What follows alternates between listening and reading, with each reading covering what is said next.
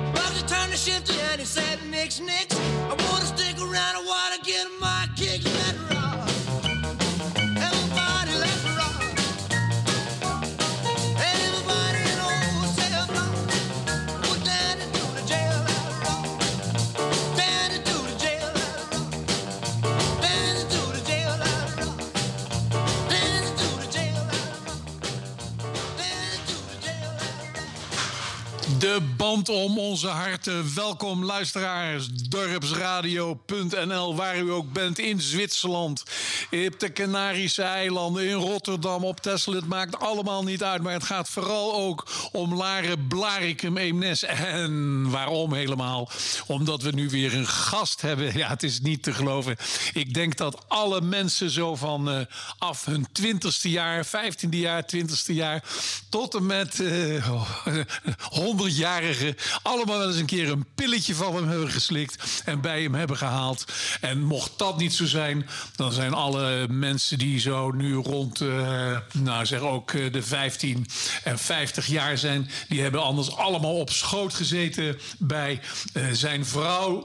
En eh, wie hebben we dan? Ja, Gerard Armbrust.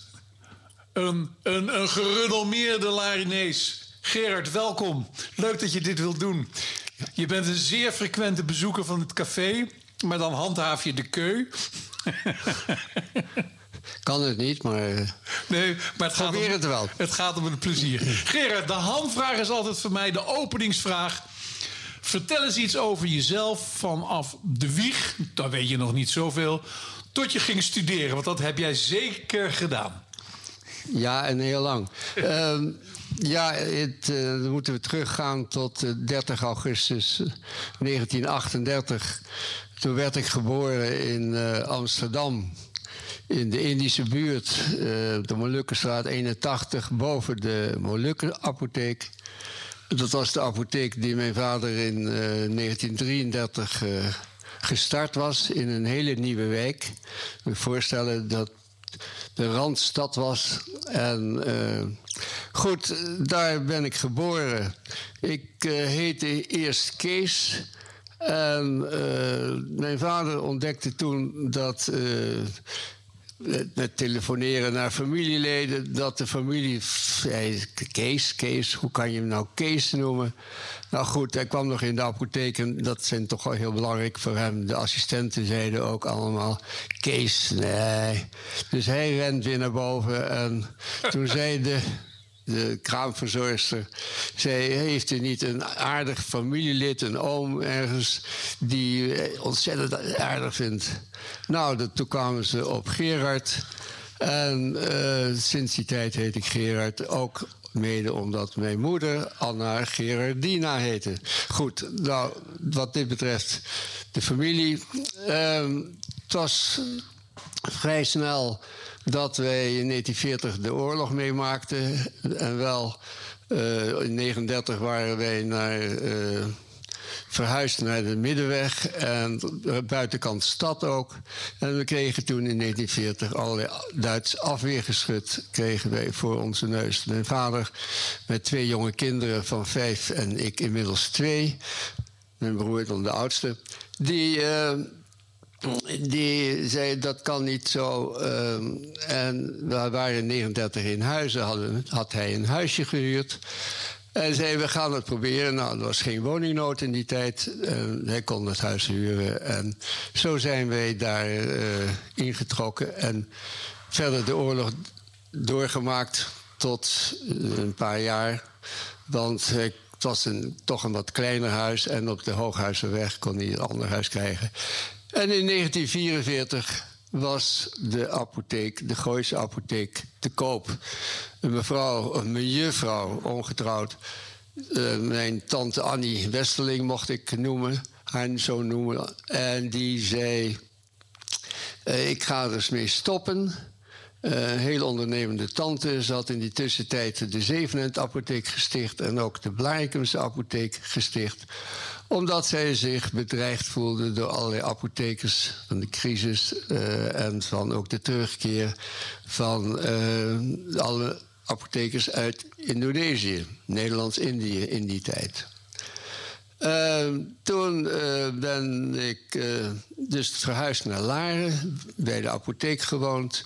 In 1948 gingen we, kon, gingen we verhuizen. Maar jouw vader kocht al die apotheken waar zij eigenaresse nee, van was? In, in de Zevenend zat Van Lingen al, in de, Piet van Lingen zat al in de apotheek. En mijn vader werd daar heel vrolijk begroet. Hij zei, Roel, zo heette mijn vader.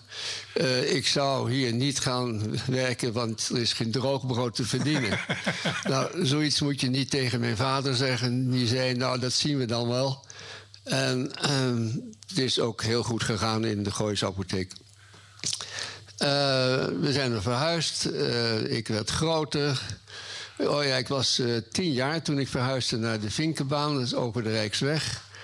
En dat was wel geestig, want ik moest elke dag ook naar de uh, Gooise school.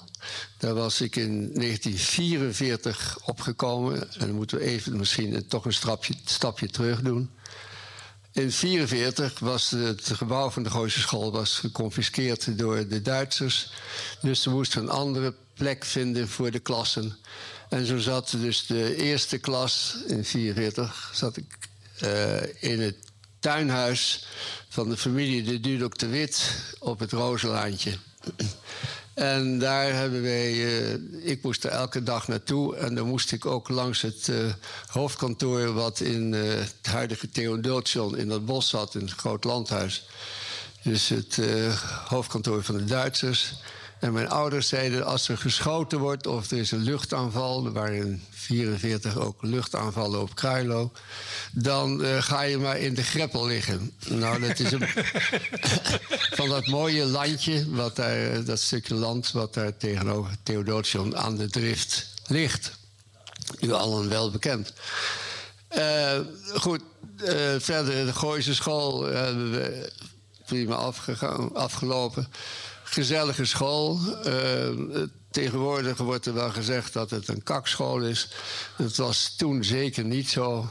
Ik zat met uh, Theo Vonk, dat is een zoon van de buschauffeur van de NBM toen nog. Ontzettend aardige jongen, die laat technieker is geworden. En uh, zat met Kees Brinkman, zoon van uh, Paul Brinkman... die toen de daar een boekhandel had op, het, uh, op de Klaas Kampen. En het was een gezellige klas. En ik ben daarna naar het gymnasium gegaan in Hilversum. Dat was de enige uit de klas. Rolf Scheundorf, ook wel bekend, die een vriendje van mij was... die die ging naar het Nieuw Lyceum. Dat vond ik erg jammer. Want we hadden het uh, in de eerste jaren na de oorlog hadden we heel gezellig gespeeld op de drift. Hij woonde op de drift. En uh, dat vond ik jammer. Het gymnasium is redelijk goed gegaan tot de vijfde klas. Ik denk dat dat nog steeds een record is. We bleven toen met 15 man zitten, man en vrouw. Zitten tegelijk. Want wij, wij hadden het ook altijd ontzettend gezellig. We hadden, zaten in het bestuur van de gymnasiastenvereniging. En uh, ik zat als uh, uh, sportcommissaris. we waren van de interlokale sportwedstrijden. De GOTA, gymnasiale ontmoeting te Arnhem. Dat was de eerste. En we presteerden er heel veel en het was ontzettend gezellig. Nou, uh, we bleven dus allemaal zitten. En we hebben ook nog steeds, moet ik zeggen, bij reunies... is dat eigenlijk hetzelfde groepje van, van zo'n 15... die nog terugkomen en terug kunnen komen. Want er zijn natuurlijk ook veel al overleden. Uh, na het eindexamen dacht ik, waar moet ik naartoe... Uh, ik wilde graag farmacie, dus de apotheekkunde, als ik het zo mag zeggen, wilde ik leren. En dat vak, uh, ik vond het een, een, een, Je was een middenstander, je had een klein bedrijf en je had personeel. En er zat ook een stuk wetenschap. Mijn vader zei altijd: Je bent middenstander met een academische opleiding. En dat heeft hij ook wel gelijk in. Maar wilde je niet in de apotheek, dan kon je bij de ambtenaar. Je bij het ambtenarij gaan, dan kon je inspecteur worden. Je kon ook in het onderzoek, bij dus laboratoriumwerk, nieuwe geneesmiddelen uitzoeken, uitvinden. En je kon ook gewoon in de handel, dus in de verkoop bij een bedrijf. Grote maar, maar nog even terug naar jouw ja. schooltijd. Hè? Toen je daar in het bestuur zat en allerlei activiteiten ontwikkelde. Organiseerden jullie ook altijd schoolfeesten? Ja, zeker. Dat, dat werd zeker. En uh, we hadden ook een. Uh, het was best vooruitstrevend. We hadden een moderne, mu de moderne muziekkring de, de, in, Laar, in, de, het gymnasium, op het gymnasium, waar uh, veel uh, muziek geproduceerd werd. Mijn broer is daar ook nog begonnen met wat drummen. En, uh, het is. nee, het was, een, het was geen saaie school, nee. Maar er werden ook plaatjes gedraaid? Jazeker. Fats Domino deed daar heel erg aan mee? Ja, zeker. Ja, Blueberry Hill, jouw tijd? Ja.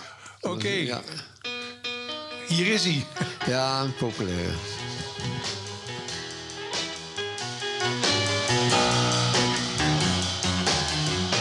I found my thrill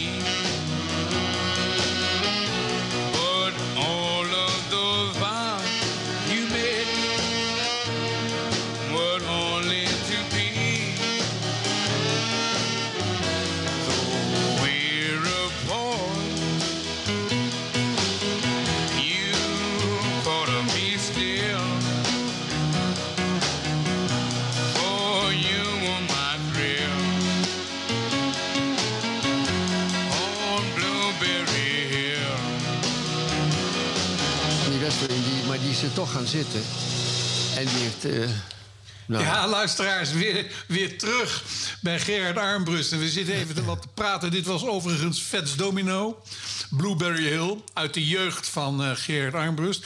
En we hadden het er even over dat het heel bijzonder was in die tijd... dat je eh, als vrouw apotheker was. Maar ehm, wat ik... Ja, in mijn tijd, toen ik aankwam, dat klinkt een beetje oudbollig...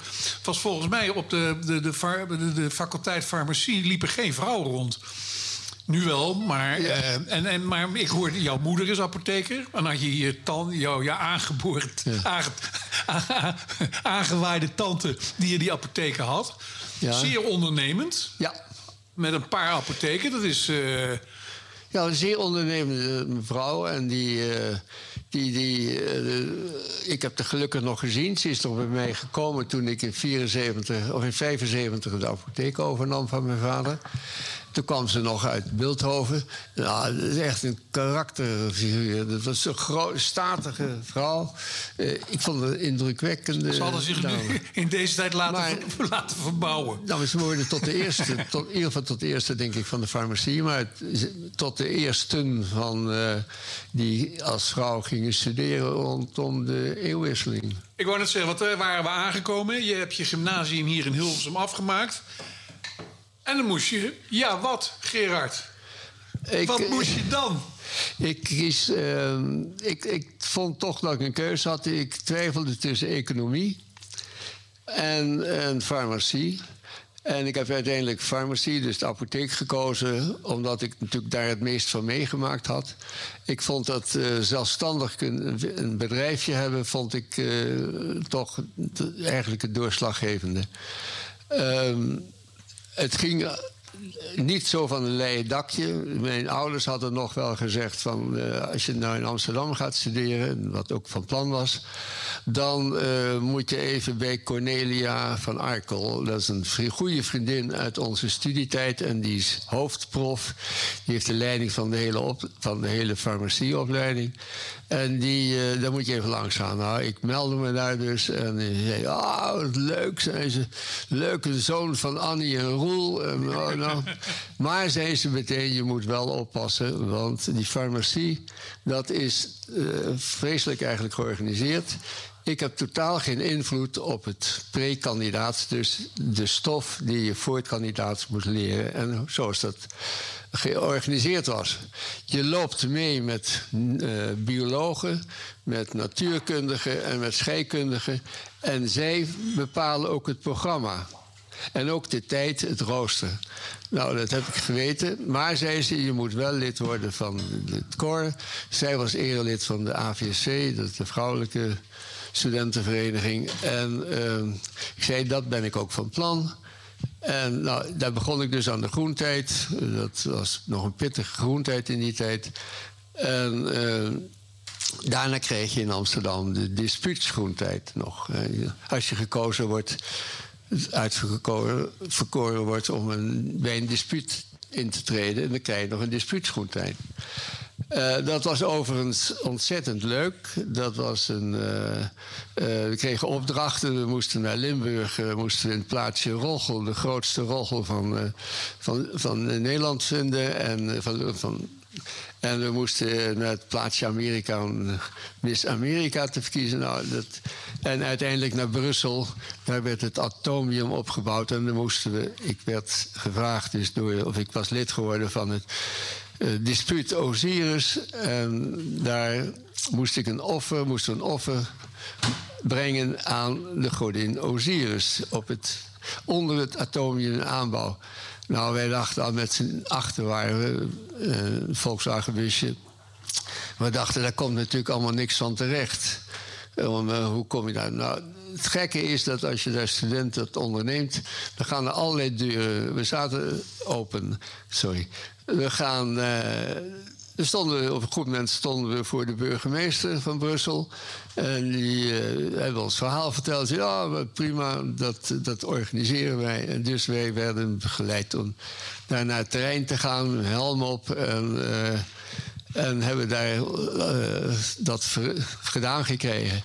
En ik heb dus hele leuke herinneringen. Je leert elkaar dan ook goed kennen. De studenten waarmee je dan verder het eh, studentenleven ingaat. Ik dacht verder, ik eh, heb een. oh ja, ik ben toen in begin oktober. Ben ik eigenlijk eindelijk eens, want er was de studentengroentijd, de dispuutsgroentijd en alles was in één keer afgelopen. Ik dacht, ik ga eens even naar eh, kijken hoe het lab is. En ik meldde me daar bij de as- hoofdassistent en die zei: eh, Wie ben jij? ik zei: ben, Ik ben armbrust. Hij zei: en, Studeer je farmacie? Ik zei: Ja. Hij zei: We zijn al 1 september begonnen en sommige van je collega's zijn al in mei begonnen. Ik zei, dat kan toch niet? Dan, toen heb ik net eindexamen gedaan. Ja, maar daarna had je al kunnen beginnen. Ik dacht, nou, dat zit zo in elkaar. Eh, hij zei, nou, om acht uur beginnen we. En dan zit ik een uurtje er. En smiddags om twee uur zit ik er ook een uurtje. Als je me nodig hebt. En verder zoek je het maar uit. Hier is het programma niet zo vriendelijk ontvangst dus. Ik, eh, toen ben ik wat colleges gelopen. Ik dacht verder, ik ga eh, roeien. Want dan in training dan heb je eh, wat regelmatiger leven. Je moet om 11 uur onder de wol liggen. Je mag geen alcohol drinken. En ik dacht, nou, dan kan ik waarschijnlijk best goed studeren. Dat is mij allemaal wat tegengevallen. En om, maar ik heb wel eh, ontzettend veel plezier in mijn studententijd gehad. En eh, op 1960 bijvoorbeeld wij, eh, kregen wij een studentenhuis van de studentenhuisvesting voor ons dispuut. Nou, daar ben ik gaan wonen op de Oude Achterburgwal, 139. Dat is een boeiende omgeving. En we hadden, waren allemaal tegelijk ongeveer verhuisd. En die dag om zes uur zeiden we van... jongens, we gaan de eerste beste kroeg in. En dat was de kroeg op het Oude Kerksplein. En dat was de, eh, de kroeg waar zeg maar, de bekende Amsterdammers... die meer in de nacht werkten dan overdag... En die daar zaten en we kwamen er binnen en die zeiden van... hé, hey, zo, het is natuurlijk vreemd als er zo'n zes, eh, zes van die eh, jonge kerels binnenkomen. Zijn jullie van dat studentenhuis wat daar op de oude Achterburg wel 139? Ik zei, ja, nou, zeker, zei wij. Hij zei, oh, hij, dan, ge- dan kom maar gezellig zitten, dan gaan we een pilsje drinken. Nou, het kwam erop neer dat wij op sluitingstijd om 12 uur, dat gingen we naar de sociëteit, de kroeg weer uitgingen, behoorlijk aangeschoten, en dat wij eh, geen cent hebben betaald.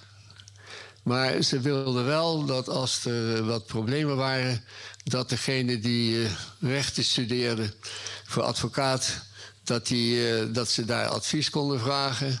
En als er eh, artsen waren ook, dat ze eerste hulp, dat ze gewoon onze hulp ook kunnen. Dus het was, er moest wel wat voor gedaan worden. Dat viel ontzettend, te- En als ze ontzettend hoofdpijn mee. hadden, konden ze bij jou terecht. Ja, dat, dat viel allemaal ontzettend mee. Het was heel leuk, het huis. Ik heb daar in dat huis ook nog eh, goed met, die was eerstejaars Paul de Lucenaire, plaatsgenoot heb ik daar. ik kende hem al heel goed. Zijn ouders waren ook goed bevriend met mijn ouders. En eh, dan ken je meestal, hij was wat jonger, maar ik kende hem goed. En daar heb ik zijn begin van eh, carrière heb ik kunnen meemaken. Ik heb ook nog drie werken, twee uit die tijd. En eentje later nog een lito heb ik van hem thuis. En eh, dat is als bijzonder op. En als je dan eh, een keer met hem naar het gooi ging, dan nam je de night train. Ja.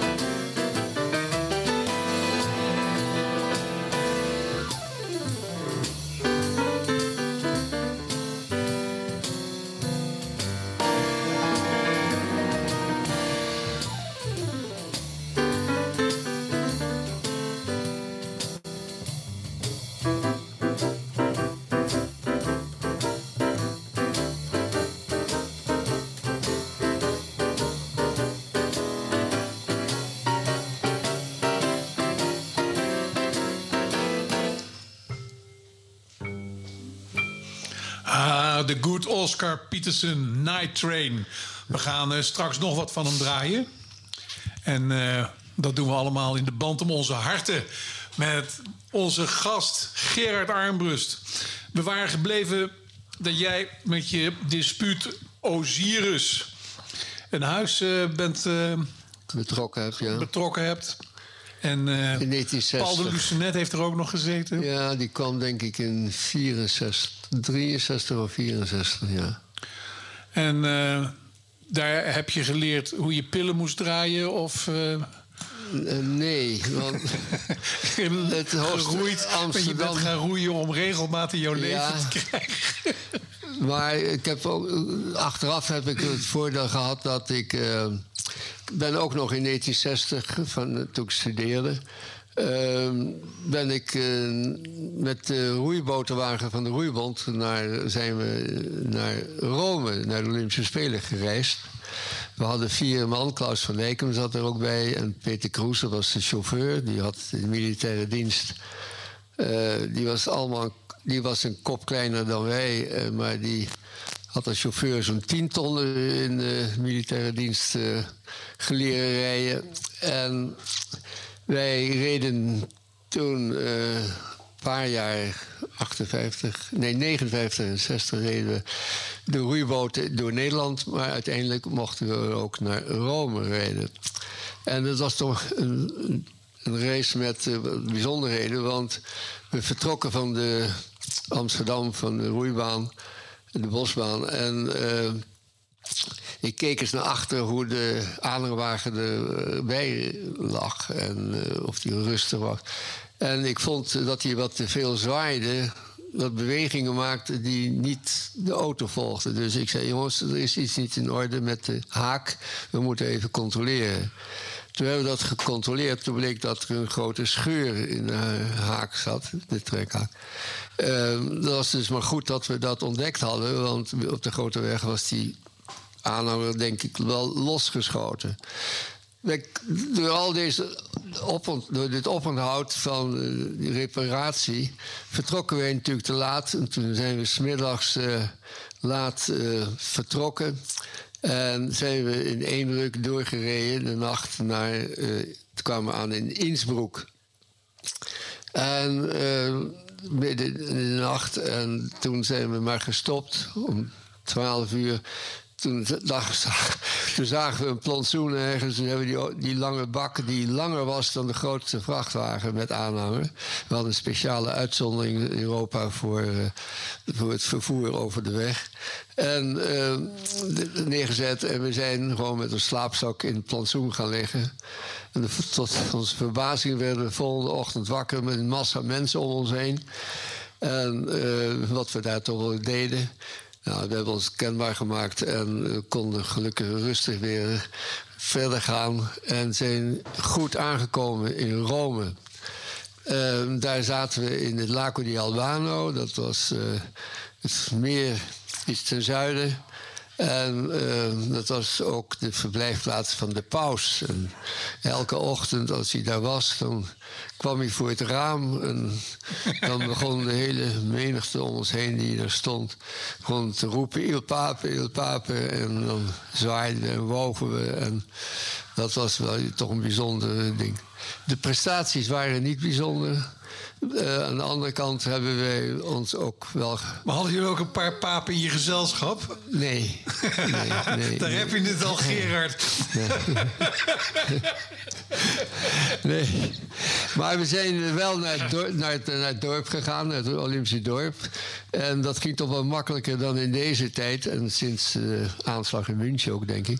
Want in die tijd kon je daar makkelijk binnenlopen als je maar leende een jekje van de roeiers. En eh, dan, dan kon je gratis lunchen daarbinnen. En dan waren we toch wel, eh, als arme studentjes, waren we daar toch wel blij mee. We waren ook. eh, Bijvoorbeeld ook de, de verslaggever van Leeuwen. Dat was een oud avunkel van de Sociëteitscommissie van de ontgroening. Het was de, zeg maar, ons eh, ontgroende. En die, eh, die werkte bij de Telegraaf en die zei: joh, ik wil een verslag, eh, kom, kom op. Je krijgt twee porties spaghetti en dan en een glas bier erbij en dan of een glas wijn wat je wil. En dan kan je een verslag, eh, nou dat hebben we maar gedaan. En zo'n bord, zo'n bord kostte toch wel 90 cent. eh.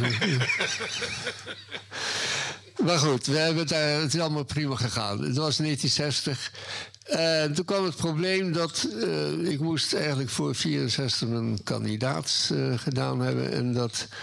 eh, 63, sorry. Dat, en dat redde ik niet. En dan gaat de militaire dienst gaat roepen. En ik moest dus eh, in dienst. En eh, ik heb Amsterdam verlaten. Ik heb me gemeld bij Ossendrecht. Ik ben vergeten te vertellen dat in, ik, had een, militaire, speciale militaire regeling voor artsen, apothekers en tandartsen. Dat, bestond uit eh, de eerste jaar van studie. In de zomer twee maanden recrutentijd. Dan na je kandidaat twee maanden verdere opleiding. En de rest deed je dan aan het eind van je studie.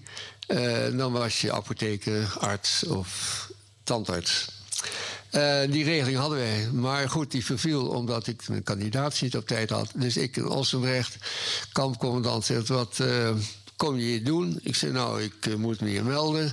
Met mijn plunjezak en alles. En hij zei: Ik weet van niks.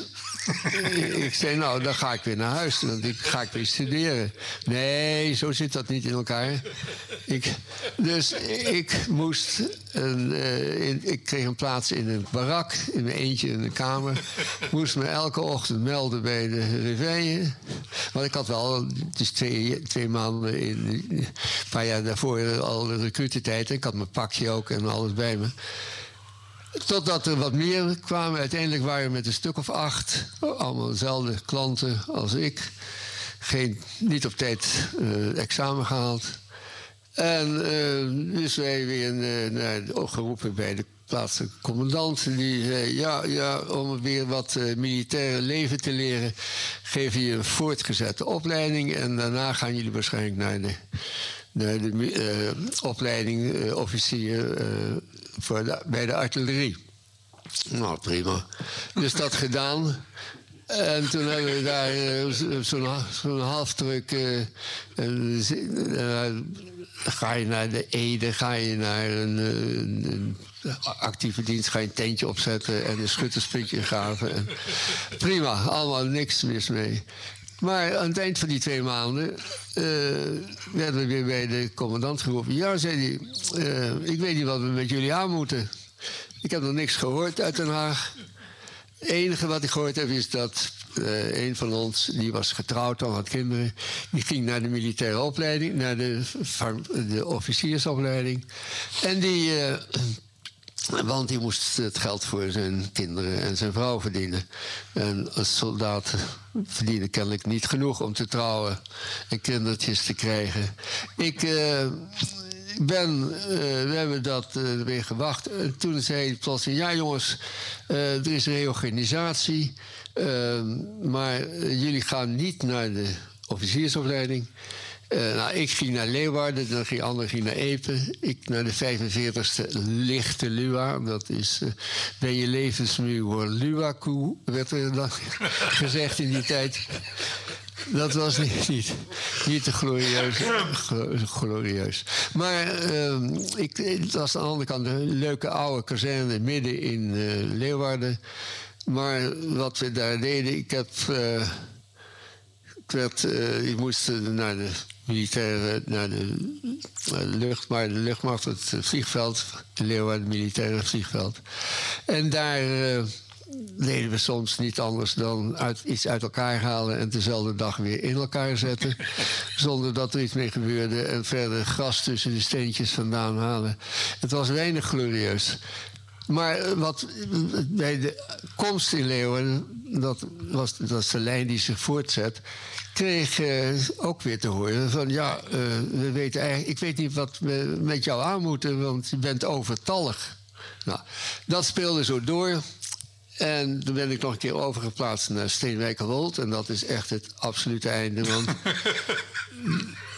dan moet je anderhalve kilometer ongeveer lopen. En dan kom je aan de op de provinciale weg. En dan zie je een huisje. Is bij Steenwijkerwold. en die, eh, en goed, daar eh, deden ook niet veel. Dan zeiden ze, ja, eh, ga maar op de administratie zitten. Want we weten niet, we hebben verder geen plaats. Zo nu en dan moest je met een, een- een NATO-alarm meedoen. Maar dat was ook zo mooi geregeld. Dat alles inpakken. En dan stond je aan die, op- opgesteld aan die anderhalf kilometer lange weg. Om weg te trekken. En dan zei jongens, weer, in- weer uitpakken. Want er, is geen benzine. Dat was in die tijd dat het tekort aan benzine was. Dus toen was het ook al zo. Nou, Moest toen- je ook, moest je ook als je ging schieten, poef, poef roepen. Ja, het was armoede toen. Het was armbrust toen. Maar ik, al in de tussentijd was ik dacht, ik moet natuurlijk na die groentijd, na die, ja, groentijd niet, na die diensttijd moest ik eh, natuurlijk verder. En in die tussentijd waren twee universiteitssteden waren er ook toe eh, gekomen dat het eigenlijk die studie niet zo verder kon. Eh, Groningen en Leiden hebben de studie gere- gereorganiseerd. En in plaats van eh 13 jaar, zo- dat zei die professor van Arkel nog bij het begin, dat je er toch wel 13 jaar over kon doen. en eh, dat ik, eh, en dan was je ook nog een goed student, zei ze erachteraan. dat eh, toch eh, Groningen en Leiden er wel in, in slaagden om het terug te brengen naar negen jaar. Dat kun je nagaan. en door alleen maar, zeg maar een stukje theorie, het college, een stukje practicum. En dan na drie maanden deed je tentamen en dan was je van de hele boel af. Gewoon heel schools, maar ik wilde niet anders. Nou, ik kwam, ik dealde en eh, bij professor Vogel, ik zou naar Leiden gaan. En professor Vogelenzang, die zei, daar, nou, moet je zorgen, je komt eigenlijk officieel in juni maar dan moet je zorgen dat je in april er al bent. Moet je verlof vragen of je eerder kan komen. Want dan kan je in september helemaal een nieuw curriculum, een nieuw punt beginnen. Met wat je in Amsterdam ook gedaan hebt. En eh, dus ik eh dien een verzoek in. Binnen een week. Je bent onmisbaar. Soldaat Armbrust was in één keer onmisbaar. Terwijl ik de hele tijd gehoord Ja, ik moet even zeggen, even kort onderbreken. Maar er komt hier dus een fan van je binnen met live radio. Dat loopt dus drie seconden achter. En, en die komt het ook even bekijken hoe jij deze cabaret... Verder. Goed, maar in één keer van een onbruikbare armbrust... Was ik onmisbaar. Was je onmisbaar. Maar het boeiende is Hoorde nou... je voor het eerst in je leven. Ja. Maar mijn vader, die dat ook hoorde, die zei: nou, Hoe kan dat nou? En die kende, die kende major van de sociale dienst hier in het Gooi. En die dacht: Dan ga ik dat verhaal toch ook eens even vertellen. Nou, die zei ook: Dat kan niet. Ik ga wel eens even in Den Haag speuren. Dus die is eh, gaan kijken en die had ook binnen een paar dagen eh, Gerard, jij moet eh, niet in beroep gaan. Niet in militaire dienst, niet bij je militaire dienst, wat je ook kan, maar bij je gemeente. Je moet bij je gemeente in, beroep gaan. Zo gedaan. Binnen een week werd ik bij de kampcommandant, de hoogste van het, eh, het van de Steenwijk Noord geroepen. Soldaat Armbrust, we hebben het idee dat er toch andere redenen nog zijn geweest gekomen dat u de dienst toch vervroegd mag verlaten. U moet het in het vervolg toch wat completer dan indienen. Ik dacht, eh, ik, ken, ik dacht ook, ik weet hoe het in elkaar zit, laat maar zitten. Ik heb verder niks verteld. Maar binnen een paar dagen stond ik eh, buiten de poort, gelukkig. En zo ben ik in eh, Leiden begonnen. En in eh, april het was nog best problematisch. En eh, ik dacht, ja, hoe moet ik dat doen? Waar moet ik wonen? Ik kon gelukkig eh, via mijn grote vriend Otto de Geven... een broer van Frans de Geven. Ik weet niet of je die nog kent. Tweelingbroer. Maar die studeerde, die was toen de tijd vierdejaars, dacht ik. Nee, vijfdejaars. En die zei, je kan een, een drie maanden in het Wallon wonen... En dan kan je op de Ravenburg 7 en dan kan je daar eh, rustig kijken naar een huis. Want ik stond inderdaad heel plotseling stond ik toch buiten de, Echt de- buiten de poort. Buiten de poort, ja. Zo van Amsterdam, het leger, ging je naar Leiden. ja. Nou, dan, dan zou ik gaan zingen I can get no satisfaction. I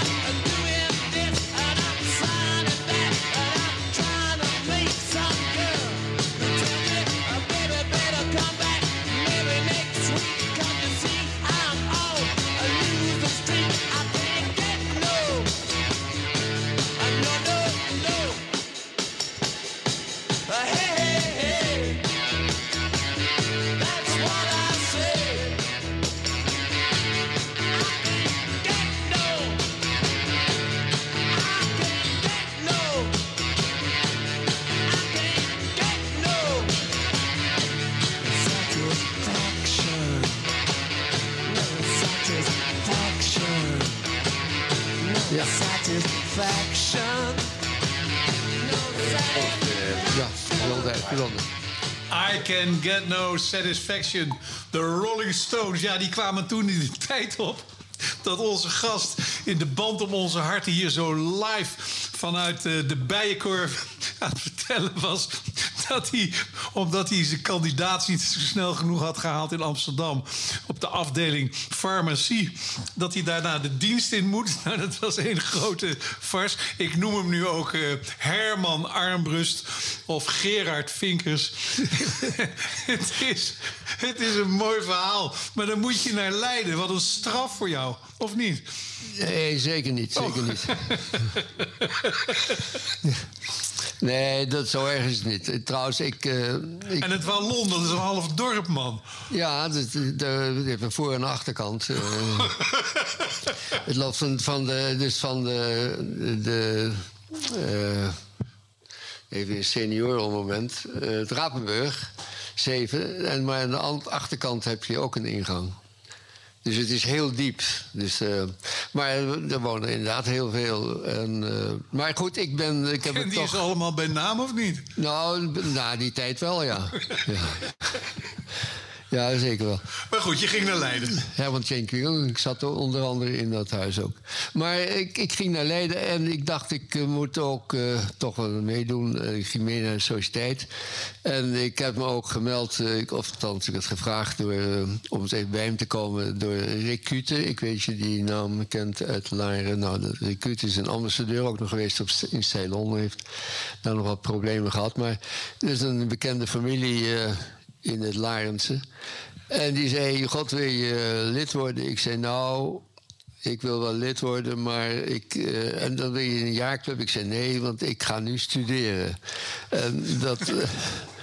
dat heb ik ook gedaan. En ik ben in... eh, Maar goed, als ik... ik heb... ik zeg altijd heel veel... Heel veel mensenkennis opgedaan. Ik heb heel veel ervaring opgedaan. Ik heb heel veel mensen leren kennen. Ik heb veel meegemaakt. En ik heb misschien wat te lang gedaan, maar ik, eh, het is niet helemaal verloren tijd. Goed, in Leiden ging het eh, vrij vlot en eh, afgestudeerd. En twee jaar daarvoor het afstuderen kwam Liedeke. Ik heb Liedeke daar of niet daar ontmoet. Liedeke studeerde in Groningen.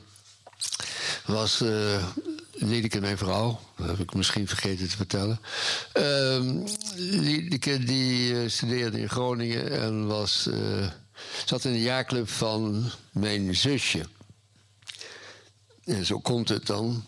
Uh, ik, wij gingen, ik en mijn zusje en mijn broer ook, gingen nog vrij regelmatig met mijn ouders mee.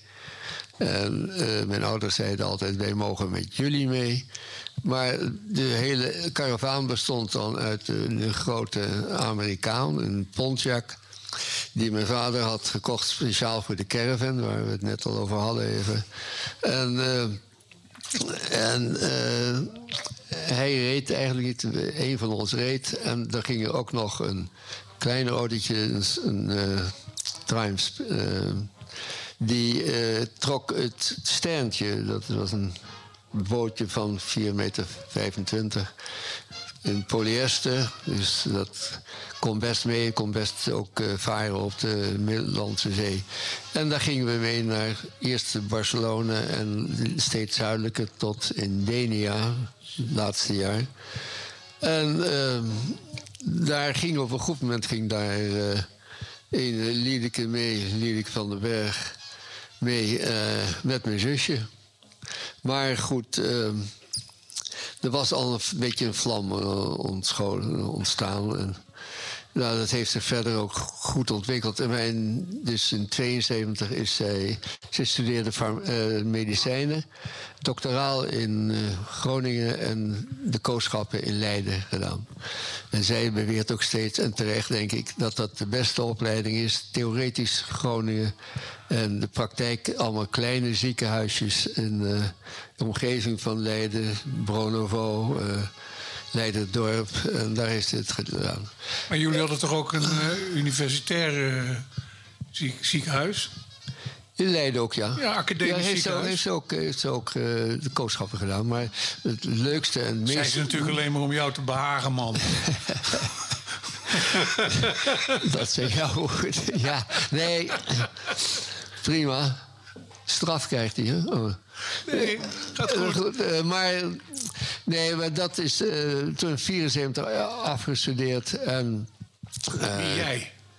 Ja, en Liedek ook. En- Oh, samen. Ja, maar Liedek is wel tien jaar jonger. Gaan we het zo over hebben. Want eh, Glenn Miller is heel rustig aan het spelen. Oké, En dat heel betekent goed. dat het eh, drie uur wordt. Ja, en we moeten toch even naar het nieuws luisteren. Want er zit wel een vast, vastigheid in dit programma. Heel goed. Ik hoop niet dat je in huilen uitbarst. Nee, Glenn Miller is ook een van mijn favorieten. Ja. Oké, luisteraars.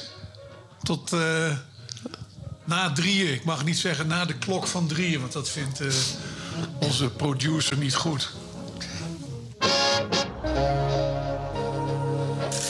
Op zoek naar een leuk en origineel cadeau? Zaak, cadeau en interieur.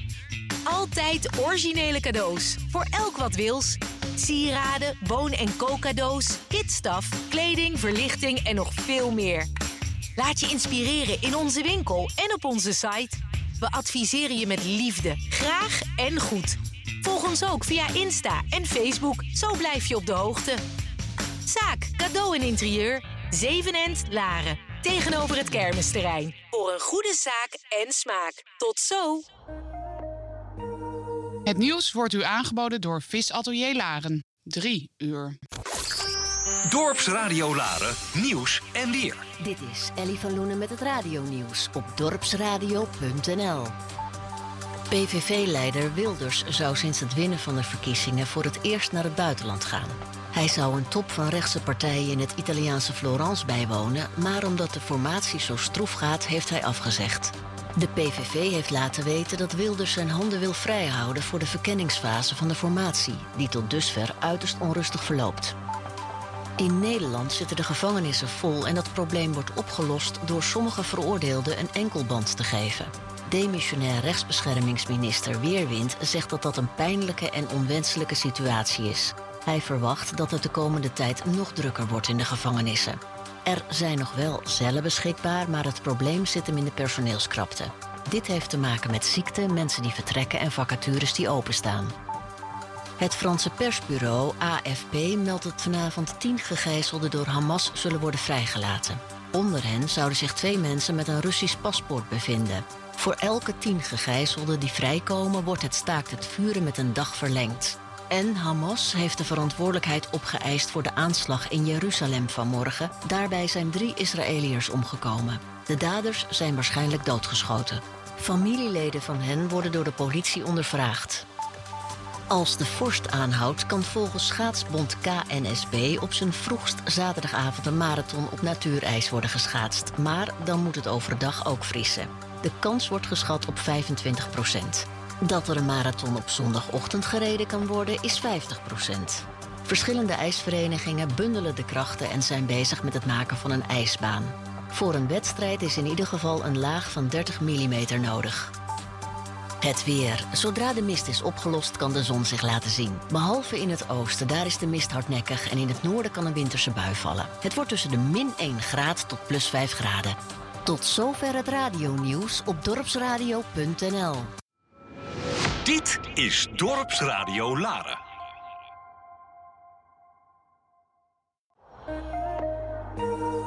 Ik ben fit in 20 minuten per week. Kan dat? Jazeker, want ik train bij Fit 20 met de unieke Fit 20 trainingsmethode. Altijd met personal trainer en zonder te douchen of om te kleden ben ik fit in slechts 20 minuten per week. Ga voor een gratis kennismakingstraining naar fit20.nl. Dorpsradio Laren sponsoren? Kijk op onze website dorpsradio.nl of bel 035 781 0781. 035 781 0781. Luister lokaal. Luister dorpsradio.nl. Altijd dichtbij. Don't make it bad. Take a sad song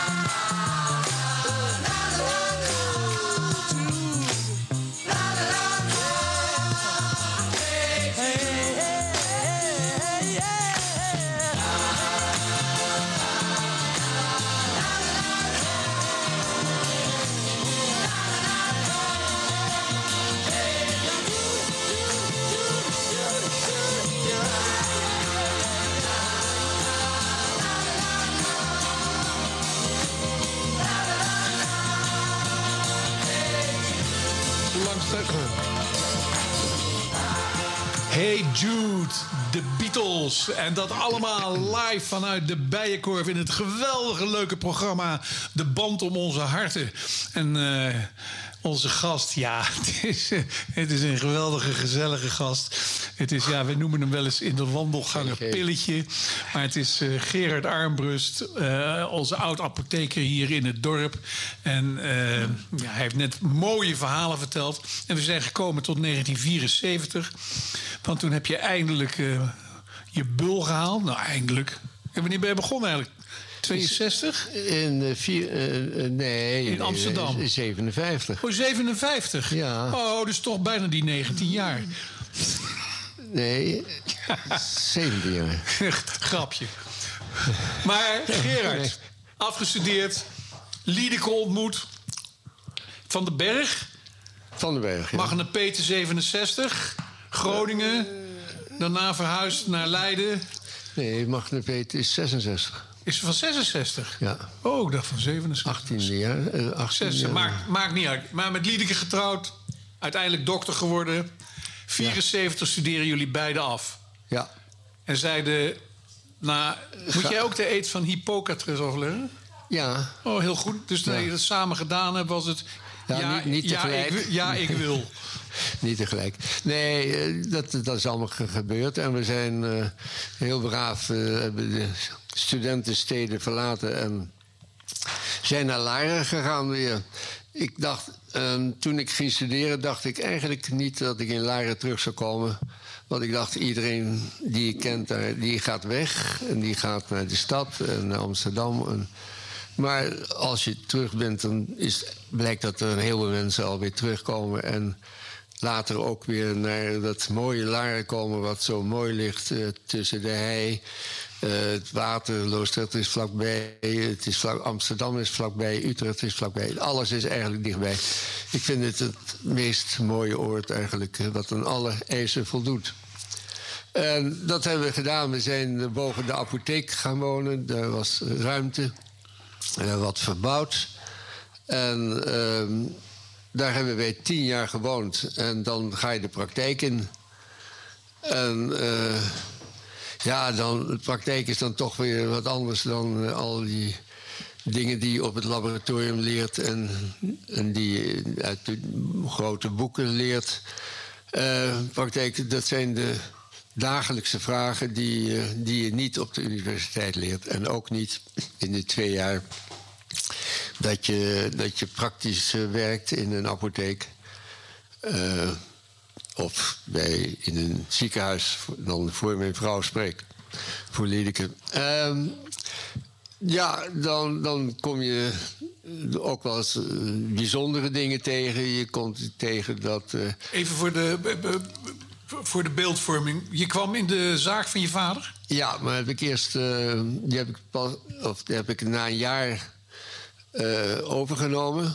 Mijn vader die had het langzamerhand wel gezien, de apotheek. eh, hoewel als hij er stond, dan ook toen ik er werkte en binnenkwam, dan begon hij zich meteen ook overal mee te bemoeien. Dus, dat, eh, dat, dat ging, ging goed. Dan is hij, die, is, die is echt in hart en nieren is een apotheker. Maar hij ontdekte ook de, de wereld en ging lezingen houden, vooral wat eh, over zijn specialiteit. Het is gamma-sterilisatie. En dan praat je natuurlijk eh, wel wat enige jaren terug. En eh, hield lezingen voor de Wereldgezondheidsorganisatie in India en dat soort dingen. Dus die eh, eh, vond dat zijn apotheek dan maar zielig alleen lag. Dus die zei, je moet het opschieten. En je komt meteen naar Laren. maar geen spijt, ook prima. We hebben tien jaar daarboven gewoond. En dan hebben we kinderen gekregen. Alle drie. En, eh, Zat, eh, eh, even voor de, de apotheek zat tegenover de, waar de Rabobank was. Ja, in het hoekje. In dat hoekje, in het prachtige... Plantsoentje, ja. ja, ja. En waar ik eh, als kind dus ook eh, in het laatste jaar van de oorlog eh, gewoond heb ook. maar er was beneden de zitkamer en de keuken en boven slapen.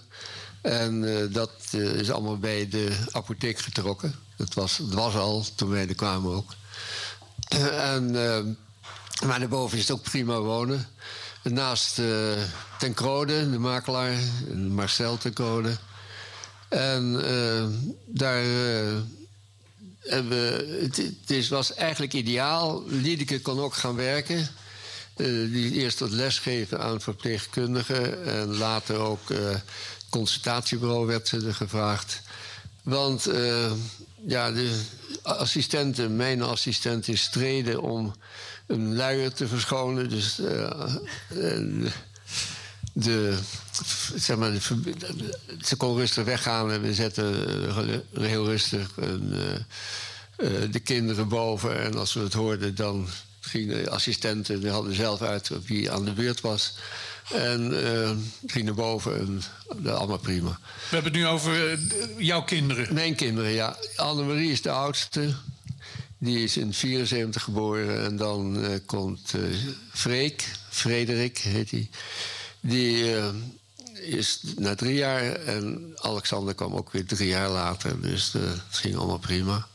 Freek is intussen eh, via New York naar eh, Melbourne gekomen. Dus, en heeft zich daar ook eh, gevestigd, getrouwd en drie kinderen. En Annemarie zit in Laren. En ook met drie kinderen. Twee jongens en een meisje. Net als wij. En Alexander heeft twee kinderen, een jongen en een meisje. En is er nog één in jouw voetsporen getreden? Alexander. Ja, de jongste is eh, uiteindelijk... eh, ja, die eh, in het begin, toen ik de apotheek overdeed... aan mijn opvolger in, in 2001... eh, toen... en dat is, is bekokstoofd eigenlijk in 1996... toen ik de eerste helft verkocht. En die, eh, was hij helemaal niet van plan. Hij zei, ik ga geen medicijnen, ik ga geen farmacie studeren. Dus eh, ik heb het toen verkocht. En eh, later voor de tweede helft die ik verkocht... toen heeft mijn opvolger nog wel gezegd van... eh, nou, heeft een, papier gemaakt voor wat het waard is. eh, dat die, Alexander altijd bij hem kon komen. Als de gelegenheid er was, dan kon hij daar komen werken. Nou, dat is allemaal niet zo gelopen als ik gehoopt had. Ook niet met de apotheek. Maar goed, uiteindelijk is hij naar Hilversum gegaan. De, heeft hij nu een prachtige apotheek eh, in een gezondheidscentrum vlakbij het stadhuis. Ehm, waar de, zeg maar, naast de Afro-studio, de vorige Afro-studio. En eh, die is de, zijn vrouw is ook apotheker. Dus eh, dat gaat zo voort. Ehm, Maar jij kwam in Laren in de zaak van je vader. ja. En dat die. ehm, dan. Ja, dan, dat, dat is. eh, wat ik al zei, is, praktijk is moeilijk. Omdat je heel onverwachte vragen hebt. Eh, maar ook. Heb ik altijd gezegd tegen de assistenten. Je moet de mensen vertrouwen geven. Je moet ze nu nog niet alleen maar geven. Hier je pilletje. Hier is uw pil. En hierna is uw eh, drankje. Nee, hoe gaat het met u? Eh, even vragen naar de gezondheid. En zo deed ik, deed ik op een goed moment ook. En er was een oude dame, stond daar en die kwam van de huisarts. En die zegt, ja, dan zegt de huisarts dat, eh, dat we allemaal doodgaan. Ik zeg, wat is dat? Nou, toen begon ze te huilen. Dus toen heb ik haar even meegenomen in de kamer. Heb een half uur kunnen praten. En toen bleek dat deze mevrouw ontzettend veel ellende had. Ze had eh, een eh, dochter verloren en nog een familielid kort geleden.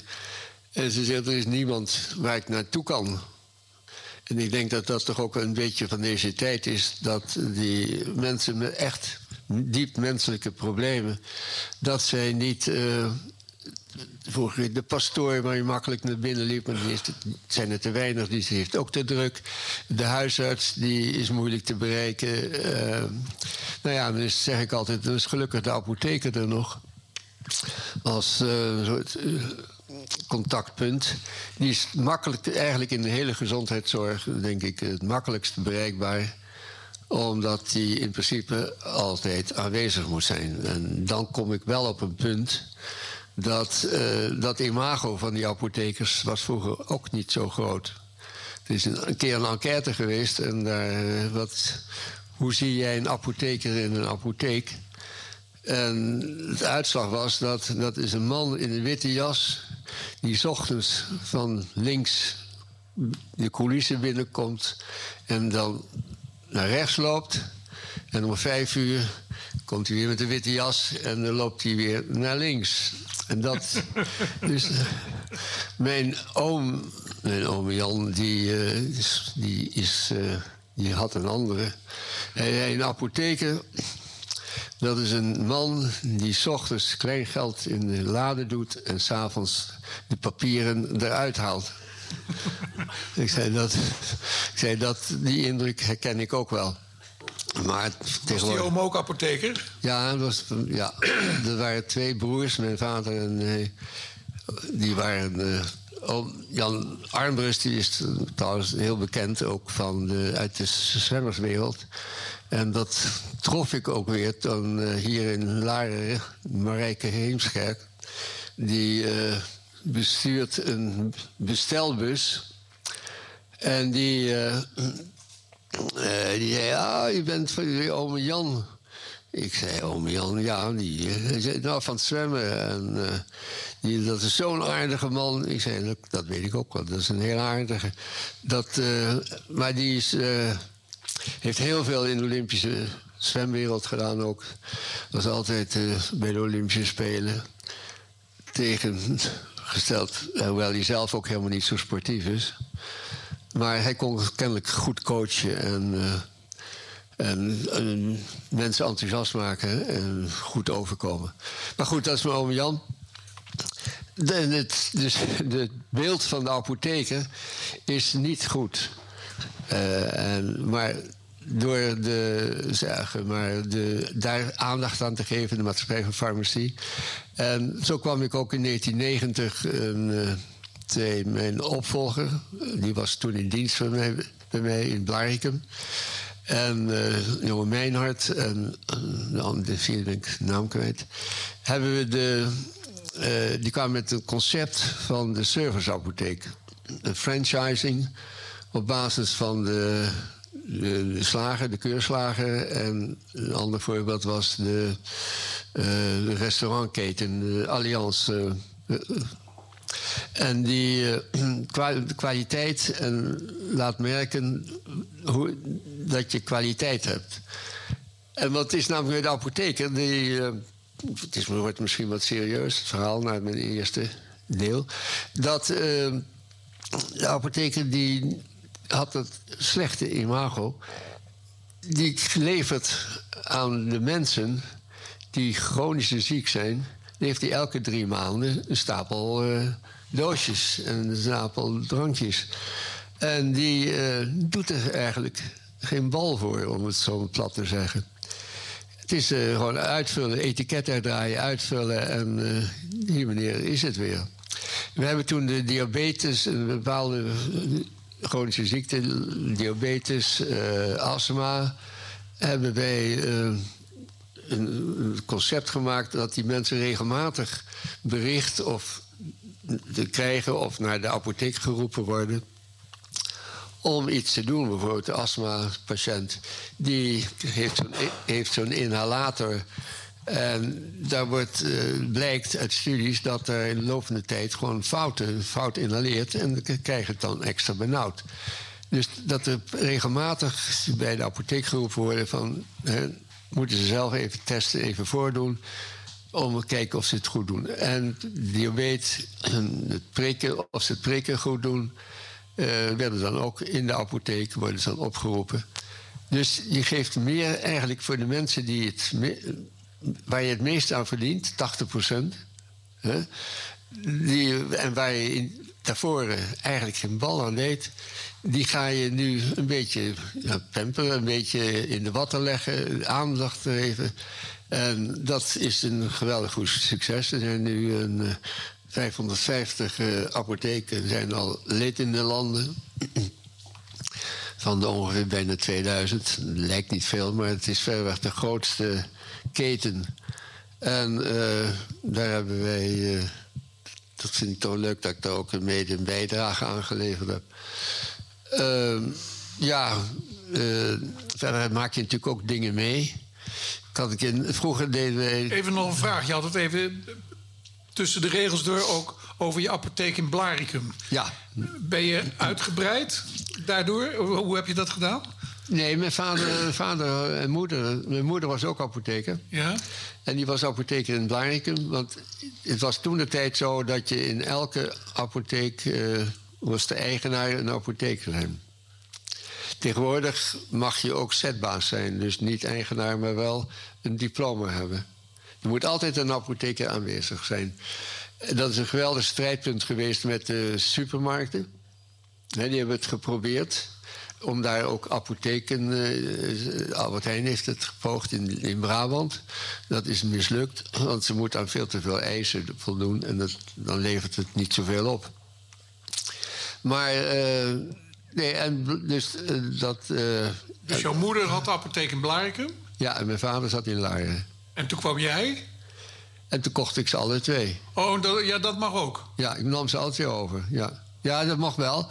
Maar. ehm, had je gewoon een, een, een heb- collega die dan in de andere apotheek stond. Ja, er zat Van der Lende, zat, die heeft er acht jaar gestaan. Maar ook eh apotheker die nu eh Susan... eh wa, wa, eh, mooie, Jon, Jonno, een of andere mooie naam. Die eh, heeft een tijd gezeten, die zit nu in Hilversum. Of nee, is inmiddels ook gestopt. En eh, die, hij is nu gesloten, heb ik begrepen. Het is alleen nog een afleveradres, maar er wordt verder niet meer iets geproduceerd. Maar in die tijd dat jij ook begon, ik kan me nog herinneren, was er ook nog een vader en zoon. Die hadden apotheek Zevenhand. Ja. Want dat waren twee vindicators, begrijp Ja, die. eh, die- Ja, nee, dat, dat- dat weet ik toevallig, omdat ik, ik zag ze allebei eens een keer. Voor de rechtbank. Op de, voor, nee, op de rechtbank. Ja, voor de rechtbank. Kort geding, ja. Omdat Nee, zij eh, twee lid van keer- Vindicat waren geweest. nee, maar Ja. dat is, die, die, die was van Zevende End. Maar hadden die ook twee apotheken, of niet? Ja, nee, die- hebben, zijn toen... Ik was net in Laren, in 74... en toen begon, eh, las ik in de krant... dat daar een, eh, een uitdeelpost eh, kwam. In, in, eh, nee, een apotheek kwam. Een apotheek. In 74. Ja, ja Oh, 75. die hebben we goed. En die, ik zei, dat, dat is ook mijn gebied. En toen, Oh, dat was een eh, vrije vestiging. ja, dat was een nieuw, dat was dat gewoon nieuw gevestigd. hè. Want eh, de, eh, de huisarts eh, Smit, die op de Wakkerdijk zat, die had. die- die- Eemnes was heel klein, was 3000 eh, patiënten. Die had er 1500 patiënten, of 1800. En die, die gaf ook wel wat recepten mee. Die zat eh, dichtbij, eh, zat meer de richting Baren. En die, eh, toen die eh, uitbreidingen kwamen in Eemnes... toen eh, is Van Lingen daar eh, heen gegaan. En zonder even enig overleg of zonder even een te praten. Toen heb ik dat bestreden ook nog. Toen zei ze, ja, nee, dat, dat, dat kan... dat, dat, dat, dat, dat kan best doorgaan. Eh, dat kunnen we niet zeggen van het is, in belang, het is nu in het belang van de mensen. eh, er moet een apotheek komen en dan verlingen kan dat.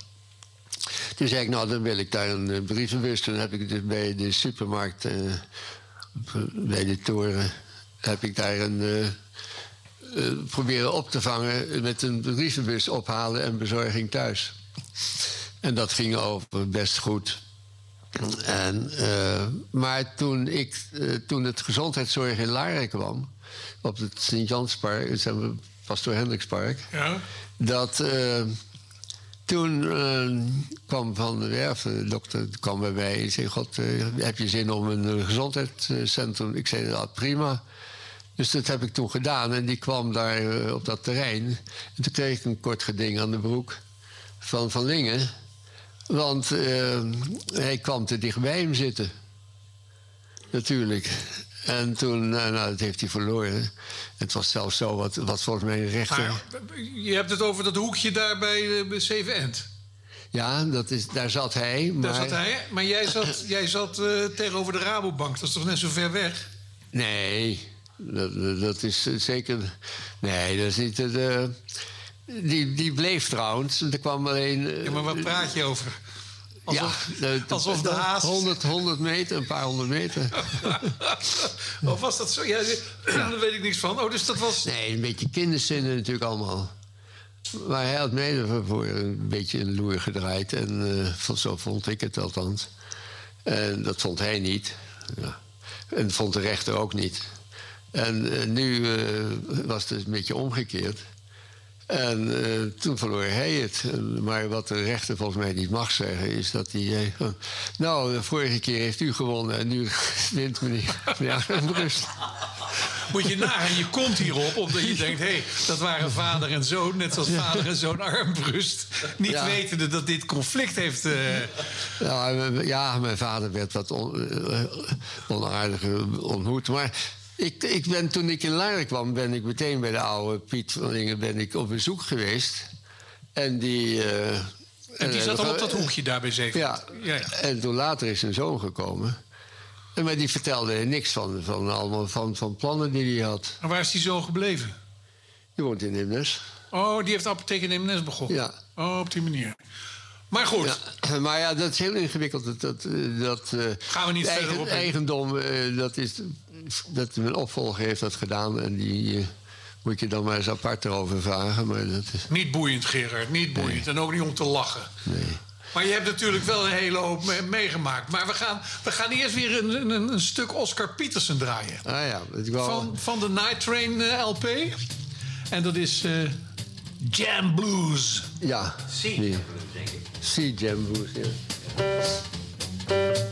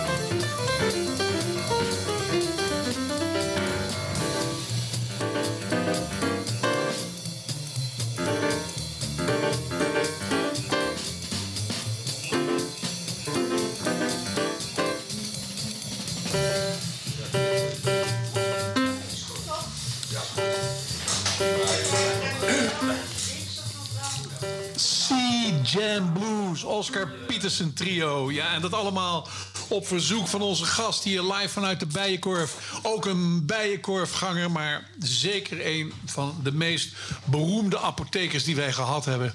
Gerard Armbrust. En eh, ja, we hebben even wat serieuzere zaken over het apothekers zijn. eh, en hoe je de mensen niet alleen maar een pilletje geeft, maar dat er ook meer achter zit. En Menselijk. Goede, goede begeleiding. En dat is natuurlijk heel belangrijk. Dat, maar dat gemis is natuurlijk op, op de- nu in de gezondheidszorg eigenlijk overal. Hè? Ik, ik denk, de, de, de 90% van de dokters kijkt je niet aan, want die kijkt alleen maar op zijn scherm. Ja, dat, dat, En de apotheker, die zie je niet, Ja, die kijkt ook alleen maar op zijn scherm. Hij is wel aanwezig, maar je ziet hem niet. maar dat maakt niet uit. Er is er niets veranderd, wou je zeggen. Nee. Die- vroeger zat hij achter de coulissen en nu zit hij misschien iets verder naar Nee, ze hebben er al wat schotjes tussen gemaakt. Het enige hoor je ook, zal het even vragen. En hoor je ja, nee, of doe maar. En dan is het pataat. Maar jij hebt natuurlijk wel veel meegemaakt. En je hebt het vorige uur verteld over jouw hilarische tijd eh, in, in Amsterdam, in het leger, in eh, Leiden. Nou, iets minder, want daar is ook natuurlijk nooit veel leuks over te vertellen als je in Leiden eh, moet afstuderen. Maar nou, ik zie je nog. nou, dit is nou. gelukkig geen televisieluisteraars.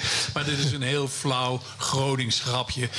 Maar wat heb je allemaal zo ook een beetje naast jouw apothekerschap gedaan hier in het dorp? Ehm, nou, als je natuurlijk eh, in Laren komt, dan. Dat weet heel snel weet iedereen, dus dan word je ook benaderd. Ik, op een goed moment werd ik gebeld door eh Ton Spoelder. Hij, die, eh, hij zei: Ik sta hier met je vader en met, eh met eh, Bijl. Dat was het drietal dat de bejaardentocht, oftewel de tocht voor ouderen, bejaard mag je niet meer zeggen, de tocht voor ouderen georganiseerd. En dat was heel, dat was meteen na de oorlog was dat gestart. Eh, het idee dat mensen die een auto hadden, waren echt heel voorgetrokken, of voorgetrokken bevoorrecht, ja, daar zocht ik naar. Dat komt met de ouderdom. Eh, dat eh, de, die auto gebruikt om één keer per jaar de ouderen, mensen die wat slecht de been waren, ergens naartoe te rijden, het landschap te laten zien en een lekkere lunch. Daarna weer terug en dan met de harmonie, Sint-Jans Harmonie of de MCC, dat die dan eh Laren, de rand van Laren, stapvoets het dorp inliepen en gehuldigd werden door hun kroost en familie. En dan stopten ze bij de eh, poffertjeskraam van de oude De Haan. En dan eh, stapten ze iedereen uit. En stapten daarna weer, werden ze naar huis gebracht. En dat was een fantastische dag. En dus ik werd gevraagd en eh, ik zei natuurlijk doe ik dat. En toen is eh, Henk Kalis van de Rabobank... er moest natuurlijk ook een, beetje financiële man moest erbij... want het ging toch centjes om. En eh, dat heb ik echt met heel veel plezier gedaan. En dat was dus, eh, denk ik, in eh 77 of zo begonnen. En tot vijf jaar geleden, denk ik. Dus, en daar hebben we ook hele leuke dingen meegemaakt. Hele dankbare dingen. En wij moesten het geld ook natuurlijk uit de zakken van wat gefortuneerden zien te krijgen. En dat, eh, dat lukte wel, omdat iedereen dat een goed doel vond. We hadden ook altijd tot eigenlijk de laatste jaren is het weer wat moeilijker geworden. Hadden ook wel de, de moeite, de auto's, eh, prachtige auto's die eh, rondreden. Zo ook de mevrouw eh, van de familie Brenningmeijer van de Logosberg, die de chauffeur met taxi, of die chauffeur met de auto eh, ter beschikking stelde om mee te rijden. En dan reed er weer zijn Jaguar mee. En dan reed er weer zo'n hele grote, latere jaren, grote SUV reed mee. En dat, eh, en ik heb dat met ontzettend veel plezier en dankbaarheid gedaan. Ik ben ook blij dat eh, mijn eh, Alexander dat overgenomen heeft. En met twee vriendjes, met Frank Hessing. Dat is een ex-schoonzoon die dat heel goed, eh, heel goed doen.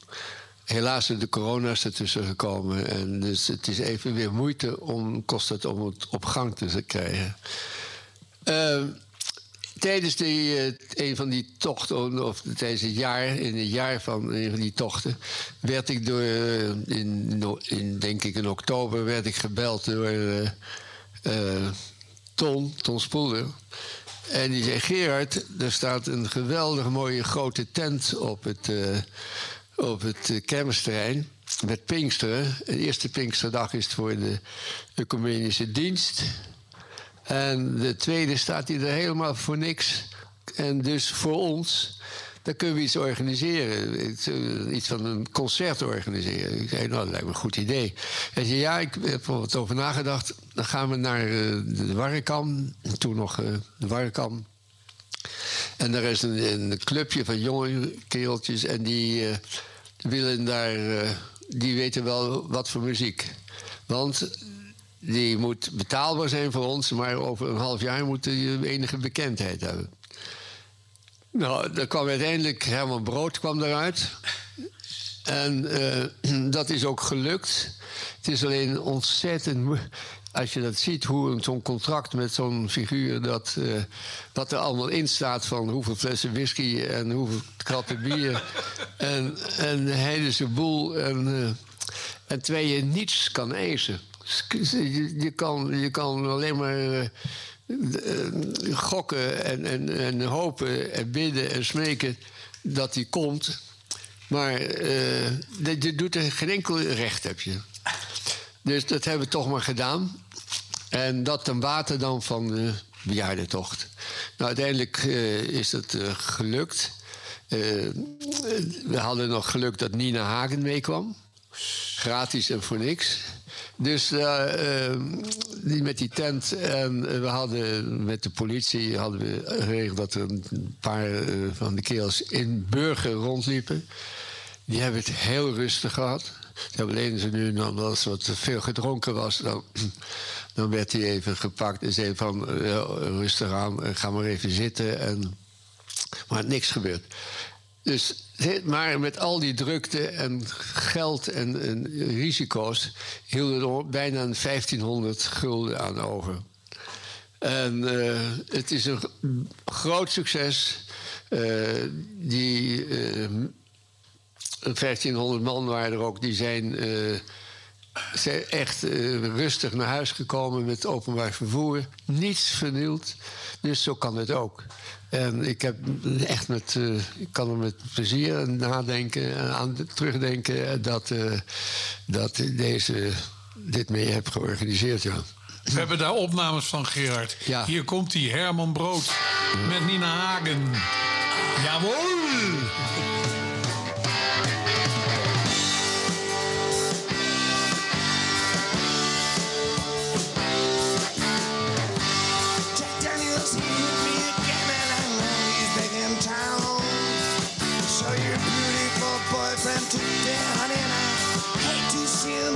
Hey, Black Jack, I want you so much, can't myself. To find another love, but I just fool myself, good job.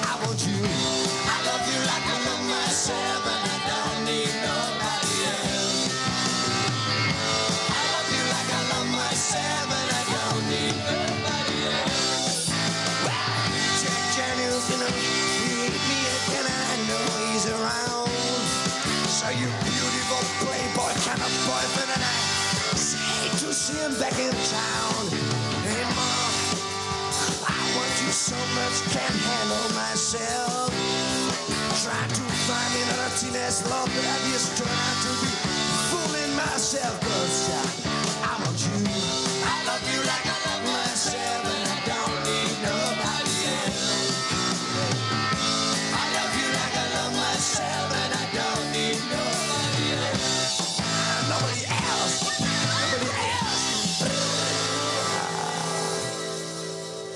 Jongens, dit Phony en de Hardcore hebben dit nummer voor ons bedacht. En dat gaat erover dat jullie altijd denken dat je de artiest nodig hebt. Maar dat het vaak toch precies andersom is. Because when you're near,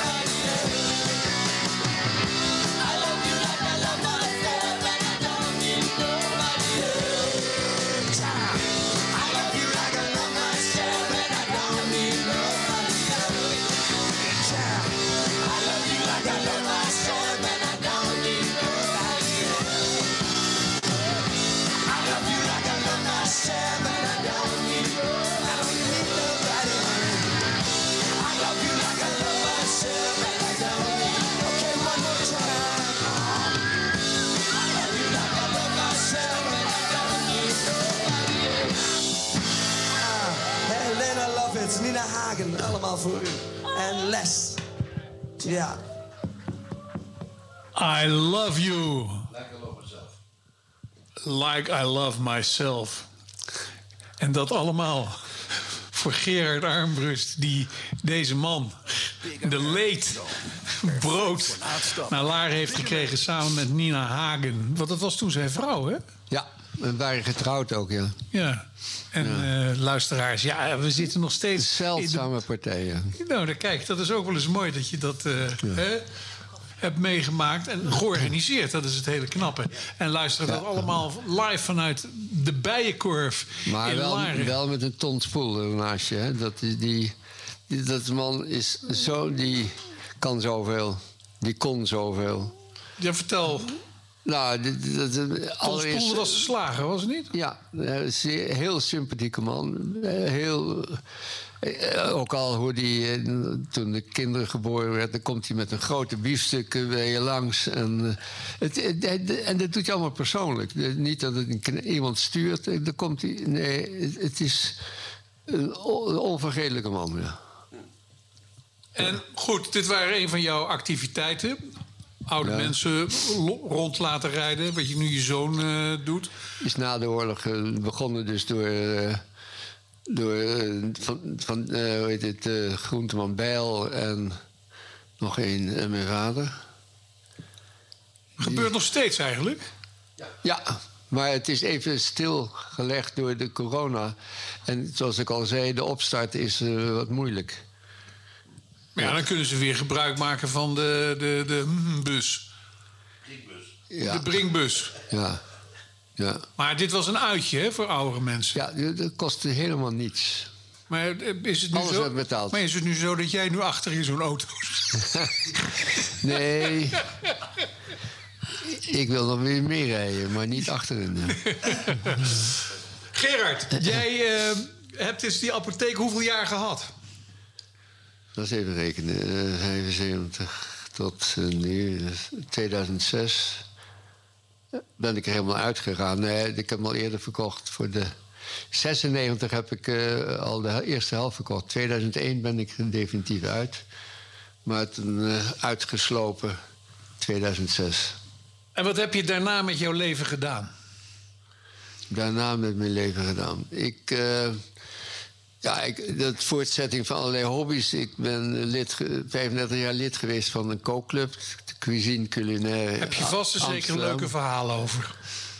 Ja, daar hebben we natuurlijk ook veel dingen ondernomen. Heb ik ook een, een tocht eh, eh, georga- mede georganiseerd eh, met een wijnimporteur eh, naar eh, de Pfalz, eh, waar ook eh, wijnbouwer Armbroest eh, wijn verbouwde. Heerlijke Rivaner en Weissburgunder.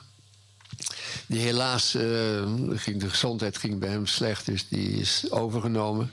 Dus de naam Armbroest is daar verdwenen. Maar de naam Armbroest komt ontzettend veel hoor, nog in Duitsland en Zwitserland. Zoals je ook Armbroester bier hebt. En ik zal eigenlijk misschien aan het eind van het verhaal bijna eh, uitleggen wat een armbroest eigenlijk is. En, eh, Dat is een kruisboog waarmee Willem Tell het appeltje van, zijn hoofd, van het hoofd van zijn zoon schoot. En dat, nou, dan komt die naam ook in Zuid-Duitsland, maar ook in Düsseldorf. En, en als je daar langs de huizen en je ziet naamborden, kom je ontzettend veel de naam Armbroes tegen. Biermerk in Maar het is dus gewoon Zwitserland. pijl en boog. Ja, het is een boog, ja. Het is een boog. Ja. Zonder pijl. We komen oorspronkelijk uit Hannover. Ook. Dat heeft een, een overgrootvader heeft het uitgezocht een keer. Ehm, en dat, ja, dan dat koken doe ik nog. En zo heb ik in Laren een kookgroepje waar ik straks ook naartoe moet. Eh, eh, van eh, vaders en die eh, ouderen van mijn leeftijd, die eh, ook iets van koken willen leren. En dat is al gestart, denk ik, eh 15, 20 jaar geleden. Ehm nou, de biljartclub hier. En ehm, ja, ik, ik, eh, ik, ik vermaak me verder wel. Ik, ik, zomers golf ik eh, ook nog wat met de heren, op de Herendag. Te gooien. En eh, een hele mooie club, vind ik. En daar ben ik lid geworden eigenlijk om toen ik tijd dat ik nog hard moest werken. Eh, in 2000. En eh, dat. eh, ik dacht van ja, ik, later wil ik toch ook wel wat gaan golfen. En aangezien de clubs toen de tijd ook ontzettend vol waren overal, dacht ik, ik. En het is vijf minuten rijden van mijn huis. Dat, ik dacht, dat kan niet beter. Maar je was bezig om een hilarisch verhaal te vertellen over je kookclub. Want dat zijn ook natuurlijk wel een stel mannetjes Ja, bij elkaar. dat Waaronder zijn- de heer Stutterheim. Ja, de- Want ik begrijp dat jullie vanavond eh, die acht flessen jenever die je hebt gegeven... voor zijn tachtigste verjaardag gaan eh, soldaat maken. We gaan heel keurig, we gaan dat proeven. Van Zuid, Zuidam. Zes, eh, ja. En die. Eh, en ik, eh, Wilfred belde die ook. eh, Hij zei: Ik heb ook rode wijn nog. Daar moet hij ook wat van af, vindt hij. Maar, eh, Oh, dan zou ik wel oppassen hoor, want dat is eh, meestal azijn geworden uit zijn kelder. Nee, maar gewoon. Er wordt niet veel gekookt vanavond. Er wordt eh, wat eh, kaas en eh, zo wat eh, tot ons genomen. Maar eh, ja, verder. eh, Maar een hilarisch verhaal van je club. nou, dat is zo hilarisch. Zijn, zijn wij ook niet. Ehm, Heb je nou, dat allemaal achter je gelaten na, na je diensttijd? Nee, nee dat, dat, dat, dat, niet direct. Ik, eh, ik, ik, ik doe wat daar, eh, denk ik, wel wat nuttigs. Want de, de opzet was eigenlijk negatief. Dat eh, ze allemaal inzagen dat ze op een goed moment alleen voor de zeg maar, voor de kookplaat staan. En dan iets moeten bereiken. En, eh, dus we hebben een, een heel eenvoudig principe genomen. In tegenstelling tot de, kookclub die ik in Amsterdam had, want dat is haute cuisine. Dat ik zei van je moet van een, eh, een product moet je iets lekkers, nog lekkerders maken. En ik noem dan eh, het voorbeeld altijd de bouillon. Je neemt een bouillonblokje en dan staat erbij 500 milliliter water verhitten en roeren en dan is het. Nee, je kan er bijvoorbeeld 400 milliliter bij doen, dan wordt die geconcentreerder van smaak. Je kan er eh, groenten bij doen, je kan er gehaktballetjes die, eh, doen. Je hoeft je niks voor zelf te doen. Die kan je allemaal erbij en dan ga je hem op smaak maken. Dus je, met een kant-en-klaar product ga je verbeteren, ga je iets lekkers, iets echt lekkers maken. En dat is eh, de opzet. En dat, dat doen ze wel, maar eh, in eh Liedeke wordt er een beetje zenuwachtig van. Die zegt, ja, ze beginnen meteen aan de drank. Ik zeg, ja, maar dat hoort er ook bij. en ik zei, na, na een half uur, nou, dan gaan we aardappelen schillen en dan gaan we wat beginnen. Maar dat, eh, dat is heel gezellig. Het is gewoon een heel gezellige groep. Gaan we het zo nog over hebben. Maar dit is eh Dassin à toi. À toi,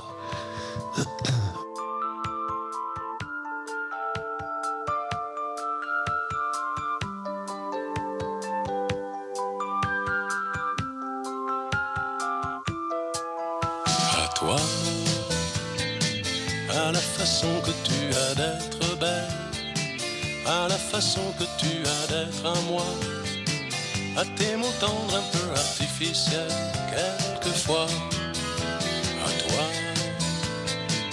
à la petite fille que tu étais, à celle que tu es encore souvent, à ton passé, à tes secrets, à tes anciens princes charmants, à la vie, à l'amour, à nos nuits, à nos jours, à l'éternel retour de la chance, à l'enfant qui viendra, qui nous ressemblera, qui sera à la fois toi et moi.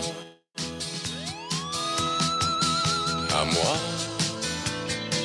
à la folie dont tu es la raison, à mes colères sans savoir pourquoi, à mes silences et à mes trahisons, quelquefois, à moi,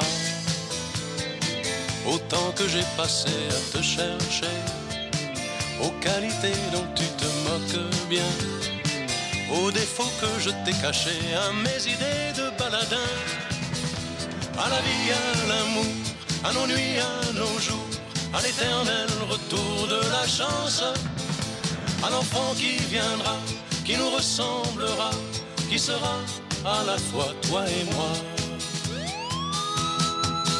À nous, aux souvenirs que nous allons nous faire, à l'avenir et au présent surtout, à la santé de cette vieille terre qui s'en fout. À nous, à nos espoirs et à nos illusions, à notre prochain premier rendez-vous, à la santé de ces millions d'amoureux qui sont comme nous, à toi, à la façon que tu as d'être belle, à la façon que tu as d'être à moi, à tes mots tendres un peu artificiels, quelquefois. een keer naar de Biescamp voor een, eh, een onderzoek. Van, ik, had- ik heb een spierziekte gehad in 1980. En die toen... eh, eh, ik heb er nog pijn. En toen, ik had dat onderzoek, ik lag daar. En ik was toen aan het fietsen. We, hebben nu, eh, we zitten midden in de uitzending hoor. Dus eh, je was aan het fietsen. Ik was aan het fietsen en, voor het onderzoek. En toen zei de verpleegkundige zei van... Ja, Arnbus, stopt u, stopt u, voelt u niks? Ik zei, nee, ik voel niks. Alleen zweetdruppeltjes eh, onder, eh, over mijn hoofd. En eh, hij zei, nu moet u meteen stoppen, want het gaat niet goed met uw hart. Heeft u echt geen pijn, geen uitstraling? Nee, helemaal niet. Nou, toen, moet zo, zo snel mogelijk naar een huisarts... en daarna naar een cardioloog. Dus ik eh, naar de huisarts... En die was er niet. En die zei, nou, maar... zei de assistent, hij komt er weer terug. En eh, nou, die belde terug. En die zei, hij moet meteen eh, onderzoeken bij een cardioloog. En dat heeft hij toen geregeld bij eh, de Antonius Nieuwegein. En eh, die zei eh, van... eh, u heeft ontzettend geboft. Ik zei, hoezo? Ze zei, nou, u, want ik zou naar Australië gaan, naar mijn zoon. En dat moet u niet doen, want dat haalt u niet met uw hart. En ik zei, zo? Ze zei, ja, na het onderzoek bleek dat kreeg ik een hartoperatie met vijf bypasses. Dat is natuurlijk ook niet gering. En eh, dus, eh, nou, dat is allemaal goed gegaan. De operatie was klaar en de chirurg die loopt met me mee en die zegt, nou, Armbrust, u heeft ons dat ontzettend geluk gehad en u moet het beschermengeltje maar eren houden. Want eh, u heeft geen beschadiging, u heeft geen infarct. En ik heb alles kunnen doen en allerlei omleggingen. En ik heb, u bent lang, dus ik heb een mooie lange ader uit uw been kunnen halen. En eh, u, eh, ik, zie, ik zie u voorlopig niet. En vandaar jou een beetje eh, dat je een engeltjesfreak bent geworden. Ja. Maar heb je wat met het katholicisme? Of ben je ergens... Nou, niet direct, dat, behalve dat mijn moeder eh, altijd eh, geld eh, bracht naar de kerk. Als ik een tentamen of examen had. Nou, dat heeft weinig geholpen. Uiteindelijk wel. en eh, dat. eh, nou, en, en toen. eh oude van de Brink, Dolf van de Brink, de oude. Nee, eh, van Elsevier. Dat mij. eh, eh, vroeg of ik als enige niet-katholiek in de eh, commissie voor restauratie van de torens uh, en Sint-Jan. eh, dat ik zei: Ja, natuurlijk wil ik dat doen. En eh, leuk, eh, of iets bijzonders was ook tijdens de, een, van de een van de eerste vergaderingen.